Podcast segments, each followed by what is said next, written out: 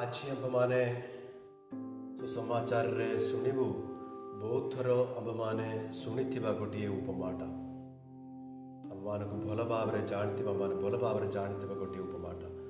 ବୁଣାଲିର ଉପମା ସମସ୍ତଙ୍କୁ ମନେ ଥିବ ସେଇ ଉପମାଟା ଏହି ଉପମାର ଗୋଟିଏ ବିଶେଷତା ଅଛି ଯୀଶୁଖ୍ରୀଷ୍ଟ ତାଙ୍କର ଶିକ୍ଷା ଗୁଡ଼ିକ ତାଙ୍କର ଅଧିକାଂଶ ଶିକ୍ଷା ଗୁଡ଼ିକ ଦେଇଥିଲେ ଉପମା ରୂପରେ ଛୋଟ ଛୋଟ ଉପମା ଗୁଡ଼ିକ କହିକି ଈଶ୍ୱରଙ୍କର ରାଜ୍ୟ ବିଷୟରେ ବୁଝାଉଥିଲେ ତାଙ୍କର ଶିକ୍ଷା ଗୁଡ଼ିକ ସେହି ଉପମା ଆକାରରେ ଥିଲେ ସେହି ଉପମା ଗୁଡ଼ିକ ଭିତରେ କେବଳ ଦୁଇ ତିନିଟି ଉପମା ଗୁଡ଼ିକ ମାନେ ଦେଖିବାକୁ ପାଇବା ତାର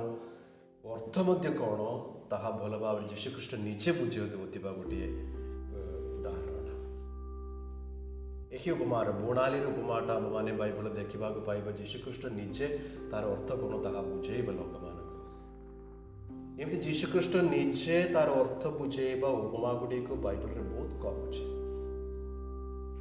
ଯଦି ଯୀଶୁଖ୍ରୀଷ୍ଟ ନିଜେ ତାର ସେହି ଉପମାର ଅର୍ଥ ବୁଝେଇ ଦେଉଛି ତାହେଲେ ତାର ଅର୍ଥ ହେଉଛି ଏହି ଉପମା ସେତିକି ଗୁରୁତ୍ୱପୂର୍ଣ୍ଣ ଅଟେ ସେ ଇଚ୍ଛା କରନ୍ତି ಪ್ರತ್ಯೇಕ ಮನುಷ್ಯ ಪ್ರತ್ಯೇಕ ಲೋಕಮಾನೆ ಬೊಲಬಾವರ ಬುಜ್ಜಿವೆ ಸಹಿ ಉಪಮಾಕಾರರ ಕೋಣ ಕೊಹಿಬಾಪ ಇಚ್ಛಾ ಕೊಡುತ್ತಲ್ಲ അപമാനം ജാണുവച്ചു ഗുണാലി ഉപമാദ്വാര യേശുക്രിസ്തു അപമാനക പായി ചാരി പ്രകാരരോ ഭിന്ന ഭിന്ന ജാഗാ ഗുടിക ബിഷിൽ അപമാനക പൂച്ചേതിയെ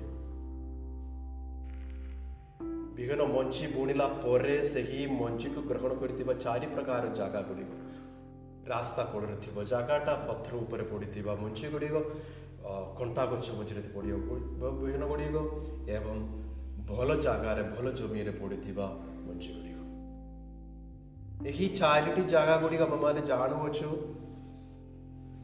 ଚାରି ପ୍ରକାରର ଲୋକମାନେ କେବଳ ଚାରି ପ୍ରକାର ଲୋକମାନେ ନୁହେଁ ତାରି ପ୍ରକାର ତାଠାରୁ ବେଶୀ ଅଛି ହେଲେ ମଧ୍ୟ ସାଧାରଣ ହେଉଥିବା ଚାରି ପ୍ରକାର ଲୋକମାନଙ୍କ ବିଷୟରେ ଯୀଶୁଖ୍ରୀଷ୍ଟ ବୁଝେଇଛି କିପରି ଭାବରେ ପ୍ରତ୍ୟେକ ମନୁଷ୍ୟ ଈଶ୍ୱରଙ୍କର ବଚନ ଗ୍ରହଣ କରେ ସେହି ଅନୁସାରେ ചാരിപ്രകാര ലോകമാണ് एवं ही चारि प्रकार लोकमानक ममानक सामना रखिवा द्वारा जीशुख्रीष्टर आह्वान मध्य आमर समस्त ଭଲ ଭାବରେ ହୃଦୟର ସେହି ଜମିଟା ଜାଗାଟା ଈଶ୍ୱରଙ୍କର ଭଜନ ଗ୍ରହଣ କରିବା ପାଇଁ ପ୍ରସ୍ତୁତ କରିବା ଈଶ୍ୱରଙ୍କର ଭଜନ ଗ୍ରହଣ କରିବା ପାଇଁ ଆମମାନେ ପ୍ରସ୍ତୁତ କରିବା ଏବଂ ସେହି ଭଜନର ଫଳ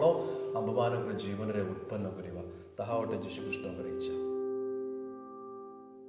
କାରଣ ଯଦି ଆମେମାନେ ଭଲ ଭାବରେ ଏହି ଉପମାଟା ପଢ଼ିବୁ ଆମେମାନେ ଦେଖିବାକୁ ପାଇବା ଯୀଶୁଖ୍ରୀଷ୍ଟଙ୍କର ବହୁତ ଭରସା ହେଉଛି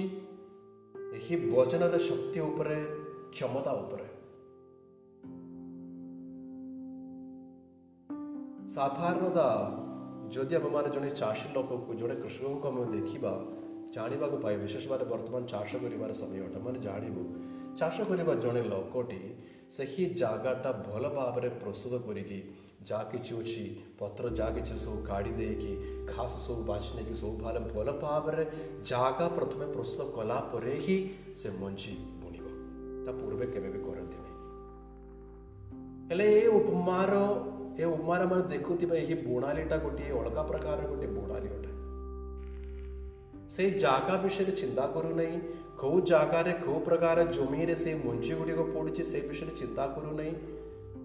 ସେ ଫଳ କିଛି ଉତ୍ପନ୍ନ କରୁଛି ସେ ବିଷୟରେ ଚିନ୍ତା କରୁନାହିଁ ଯାହା ବୋଲେ ପ୍ରସ୍ତୁତ କରିବା ପାଇଁ ବୁଣିବାରେ ଏତେ ସତର୍କ ଦେବାଟା ସେ ତାକୁ ସବୁ ଦେଖୁନାହିଁ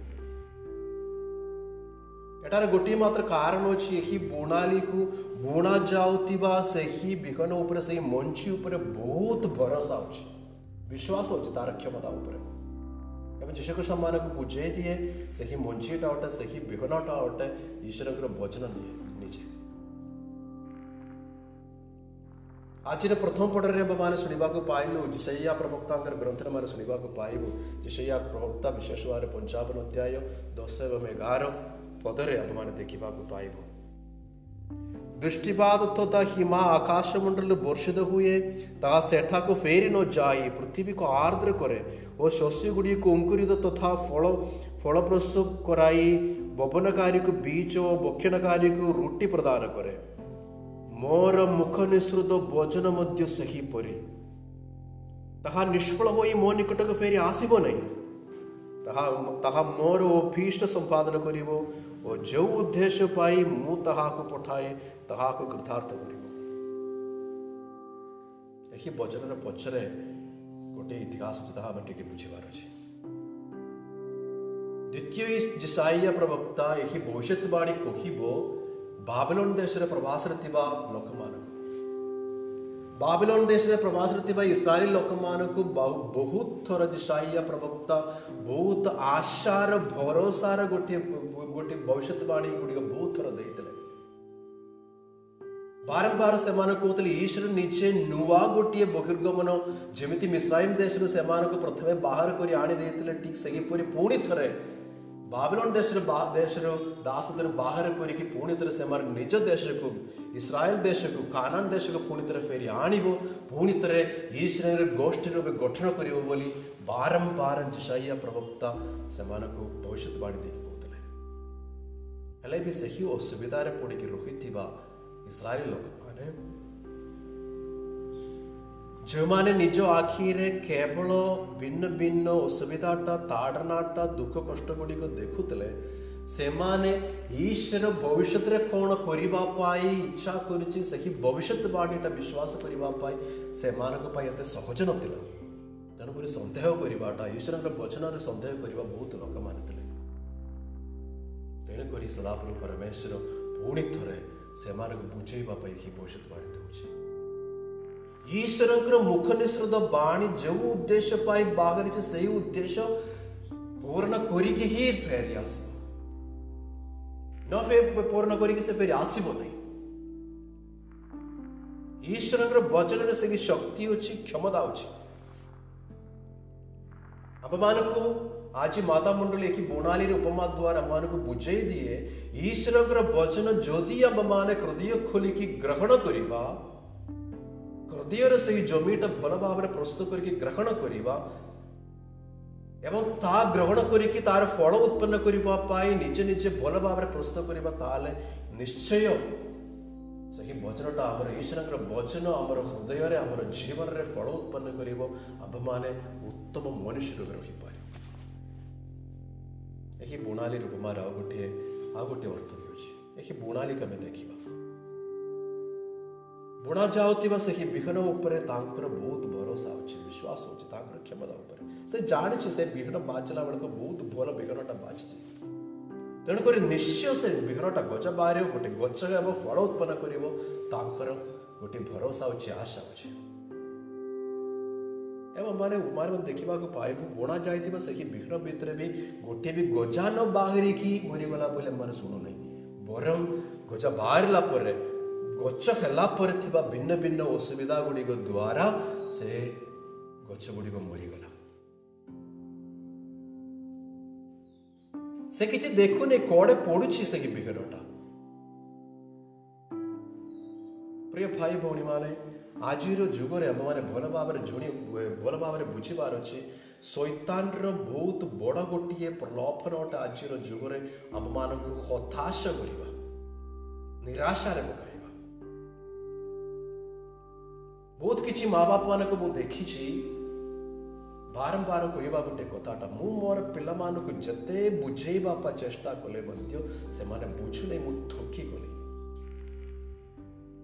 ବହୁତ କିଛି ଟିଚର ମାନଙ୍କୁ ମାନେ ଦେଖିବାକୁ ଶିକ୍ଷକ ଶିକ୍ଷୟତ୍ରୀ ମାନଙ୍କୁ ଦେଖିବାକୁ ପାଇବ ପିଲାମାନଙ୍କୁ ଭଲଭାବରେ ବୁଝେଇବା ପାଇଁ ଚେଷ୍ଟା କଲା ପରେ ଶିଖିବା ପାଇଁ ଚେଷ୍ଟା କଲା ପରେ ଭଲ ରାସ୍ତା ଦେଖେଇବା ପାଇଁ ଚେଷ୍ଟା କଲା ପରେ ସେମାନେ କିଛି ବି ନ ଜାଣିକି ସବୁବେଳେ ଉଲ୍ଟା ରାସ୍ତାରେ ଯାଉଥିବା ଯାହା ଯିବାଟା ଦେଖିକି ହତାଶ ହେଇକି 보디바 모시켜 주시겠다. ଏମିତି ସମାଜରେ ଯେତିକି ଲୋକମାନେ ଭିନ୍ନ ଭିନ୍ନ ଦାୟିତ୍ୱରେ ଅଛନ୍ତି ସେମାନେ କହିବା ଗୋଟେ କଥା ଅଛି ମୋର ଲୋକମାନେ ମୋର ମୋତେ ଶୁଣିବା ପାଇଁ ଆହ୍ୱାନ ପାଇଥିବା ସେ ଲୋକମାନେ ମୋତେ ଶୁଣୁନି ସେମାନେ ନିଜ ନିଜ ରାସ୍ତାରେ ଯାଉଛନ୍ତି ମୋତେ ମୋତେ ଜଣା ନାହିଁ ଆଉ କ'ଣ କରିବା ଏମିତି ହତାଶାରେ ପକାଇବା ଆଉ ଭଲ ରାସ୍ତା ଗୁଡ଼ିକ ବୁଝେଇବାରେ ପଛେଇବାଟା ଏଇଟା ସବୁ ଶୈତାନର ଗୋଟେ କାମଟା ଆଜିର ଯୁଗ ଏହି ବୁଣାଲି ମୋର ଦେଖିପାରୁଛି କିଛି ବି କଥାରେ କଥା ଆସୁ ନାହିଁ ସେ ଚିନ୍ତା କରୁନି ସେ ବିହନଟା ଫଳ ଉତ୍ପନ୍ନ ହେବ ନା କ'ଣ ସେ ଭଲ ଭାବରେ ତାଙ୍କର ବିଶ୍ୱାସ ଅଛି ଭରସା ଅଛି ବୁଣା ଯାଉଥିବା ସେହି ବିହନଟା ମଞ୍ଜିଟା ଭଲ ଅଛି ଭଲ ଅଟେ ଫଳ ଉତ୍ପନ୍ନ କରିବାର କ୍ଷମତାଟା ତାର ଅଛି ସେଟା ଜାଣିକି କିଛି ବି ଚିନ୍ତା ନ କରିକି ସେ ବୁଣୁଛି ଠିକ୍ ସେହିପରି ଆମମାନେ ମଧ୍ୟ ଆଗେଇ ଯିବାରୁଛେ চিন্তা করিবার দরকার নাই আমার কথা গুড়িক আমার শিক্ষা গুড়িক আমি দেওয়া করেকশন গুড়িক লোক মানে বুঝবে কি ବୁଝିପାରିବେ କି ସେମାନେ ରାସ୍ତା ଠିକ୍ କରିବେ କି ଭଲ ବାଟରେ ଆସିବେ କି ସେଇଟା ଚିନ୍ତା କରିବାର ନାହିଁ ଭଲ ମଞ୍ଜି ବୁଣିବାଟା ବୁଣାଲି ହିସାବରେ ଆମମାନଙ୍କର ପ୍ରତ୍ୟେକର ଦାୟିତ୍ୱ ଅଟେ ବୁଣାଲିର ଦାୟିତ୍ୱ ପାଇଥିବା ପ୍ରତ୍ୟେକ ଲୋକମାନଙ୍କର ଘରେ ମା ବାପାମାନଙ୍କର ହେଉ ଶିକ୍ଷକ ଶିକ୍ଷୟିତ୍ରୀମାନଙ୍କର ହେଉ परिवार रे समाज रे भिन्न भिन्न दायित्व थिबा लोक मानकर समस्तकर बुणाली रे गोटे दायित्व अछि ये बुणाली पूरी केमती फल उत्पन्न हेब से विषय चिंता न करिकी ईश्वर ठारे ईश्वर कथार भरोसा रखिकी भल मनुष्य उत्तम फल उत्पन्न कर भल मनुष्य गुड़िक आम मैंने बुणिकी बुणिकी जीवार अच्छे मैंने विश्वास रखा ईश्वर ठारे भरोसा रखा निश्चय दिने से ही मनुष्य गुड़िक फल उत्पन्न कर सब ना से भितर किसी मनुष्य गुड़िक फल उत्पन्न कर ତାହା ଦେଖିକି ମୋର ଖୁସି ହୋଇପାରେ କଣ ଫଳ ପାଇବ ସେ ଚିନ୍ତା ନ କରିକି ଆମକୁ ଈଶ୍ୱର ଦେଇଥିବା ସେହି ଦାୟିତ୍ୱରେ ଦାୟିତ୍ୱ ଭଲ ଭାବରେ ଗ୍ରହଣ କରିକି ଆଗେ ଯିବା ପାଇଁ ଆମେ ଚେଷ୍ଟା କରିବା ପ୍ରିୟ ଭାଇ ଭଉଣୀମାନେ ମାତା ମଣ୍ଡଳୀ ଏହି ପଞ୍ଚାଦଶ ରବିବାର ଦିନରେ ଆମମାନଙ୍କ ପାଇଁ ଦେଉଥିବା ସେହି ଶିକ୍ଷାଟା ସନ୍ଦେଶଟା ହଁ ପ୍ରଥମେ ଆମମାନେ ପ୍ରତ୍ୟେକ ଈଶ୍ୱରଙ୍କର ବଚନ ହେଉଥିବା ସେହି ମଞ୍ଚିଟା ଗ୍ରହଣ କରିବା ପାଇଁ ନିଜର ହୃଦୟର ସେହି ଜମିଟା ଭଲ ଭାବରେ ପ୍ରସ୍ତୁତ যা কিছু তাহা ଭଲ ଭଲ ଭାବରେ ଗ୍ରହଣ କରିବା ପାଇଁ ଭଲ ଭାବରେ ବଢ଼ିବା ପାଇଁ ଯାହା କିଛି ଅସୁବିଧା ଅଛି ଅସୁବିଧା ଗୁଡ଼ିକ ଅଛି ତାହା ସବୁ ଆମର ପରିଶ୍ରମ ଦ୍ୱାରା ଆମେ ପରିଶ୍ରମ କରି ଆମର ହୃଦୟରୁ ଦୂରରେ କରିବା ପାଇଁ ଯେମିତି ଭଲ ଭାବରେ ଜାଗା ପ୍ରସ୍ତୁତ କରିକି ଭଲ ଭାବରେ ସେହି ମଞ୍ଜି ଗୁଡ଼ିକୁ ଗ୍ରହଣ କରିକି ତା ଭଲ ଭାବରେ ବଢ଼ିବାର ଗୋଟିଏ ପରିବେଶ ପ୍ରସ୍ତୁତ କରିକି ଆମେ ଈଶ୍ୱରଙ୍କର ବଚନର ଫଳ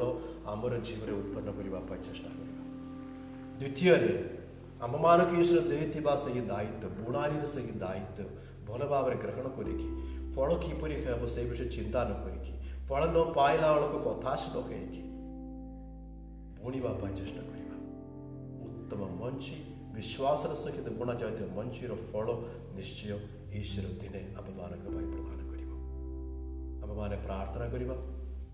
ಹೇ ಸದಾಪ್ರಭು ಪರಮೇಶ್ವರ ଆମେ ତୁମକୁ ଧନ୍ୟବାଦ ଜ୍ଞାପନ କରୁଛୁ ତୁମର ବଚନ ଆମମାନଙ୍କ ପାଇଁ ଦେଇଥିବାରୁ ଆମର ହୃଦୟ ତୁମ ପାଇଁ ପ୍ରସ୍ତୁତ କରିବା ପାଇଁ ଆମକୁ ସାହାଯ୍ୟ କର ତୁମେ ତୁମର ବଚନମାନଙ୍କ ପାଇଁ ଦେଉଥିବା ବେଳେ ତାହା ଭଲ ଭାବରେ ଗ୍ରହଣ କରିବା ପାଇଁ ଆମମାନଙ୍କର ହୃଦୟକୁ ତୁମେ ନିଜେ ପ୍ରସ୍ତୁତ କର ତୁମର ବଚନ ତୁମେ ଇଚ୍ଛା କରିଥିବା ଫଳ ଉତ୍ପନ୍ନ କରିବା ପାଇଁ ସକ୍ଷମ ଅଟେ ତାହା ଆମେ ଜାଣୁଅଛୁ ବିଶ୍ୱାସ କରୁଅଛୁ ଆମର ଜୀବନରେ ସେହି ତୁମର ବଚନର ତୁମର ସୁସମାଚାରର ଫଳ ଉତ୍ପନ୍ନ କରିବା ପାଇଁ ଆମମାନଙ୍କୁ ସାହାଯ୍ୟ କର ସେହି ଫଳ ଉତ୍ପନ୍ନ କରିବା ପାଇଁ ଯାହା କିଛି ଆମର ଜୀବନରେ ଅଛି ଶରୀରରେ ହୃଦୟରେ ମନରେ ଯାହା କିଛି ଅସୁବିଧା ଅଛି ତାହା ସବୁ ଦୂରେଇ କରିକି ଉତ୍ତମ ଭାବରେ ଆମର ହୃଦୟରେ ସେହି ଜମିଟା ପ୍ରସ୍ତୁତ କରିକି ଈଶ୍ୱରଙ୍କର ବଚନ ଭଲ ଭାବରେ ଗ୍ରହଣ କରିକି ତାର ଉତ୍ତମ ଫଳ ଉତ୍ପନ୍ନ କରିବା ପାଇଁ ଆମମାନଙ୍କୁ ସାହାଯ୍ୟ କରେ ଏସଦାପୁର ପରମେଶ୍ୱର ସୁସମାଚାରର ଫଳ ଉତ୍ପନ୍ନ କରିବା ପାଇଁ ସେହି ସୁସମାଚାରର ମଞ୍ଚି ଭଲ ଭାବରେ ବୁଣିବା ପାଇଁ ବିଶ୍ୱାସ ସହିତ ଭରସା ସହିତ ବୁଣିବା ପାଇଁ प्रदान ಶಕ್ತಿ ಕ್ಷಮತ ಪ್ರದಾನ ಕರು ಕೆಪೇಬಿ ಕೊತಾಶನ ಹೇಕಿ फल ಫಳಪಾಯಿವಾರ सही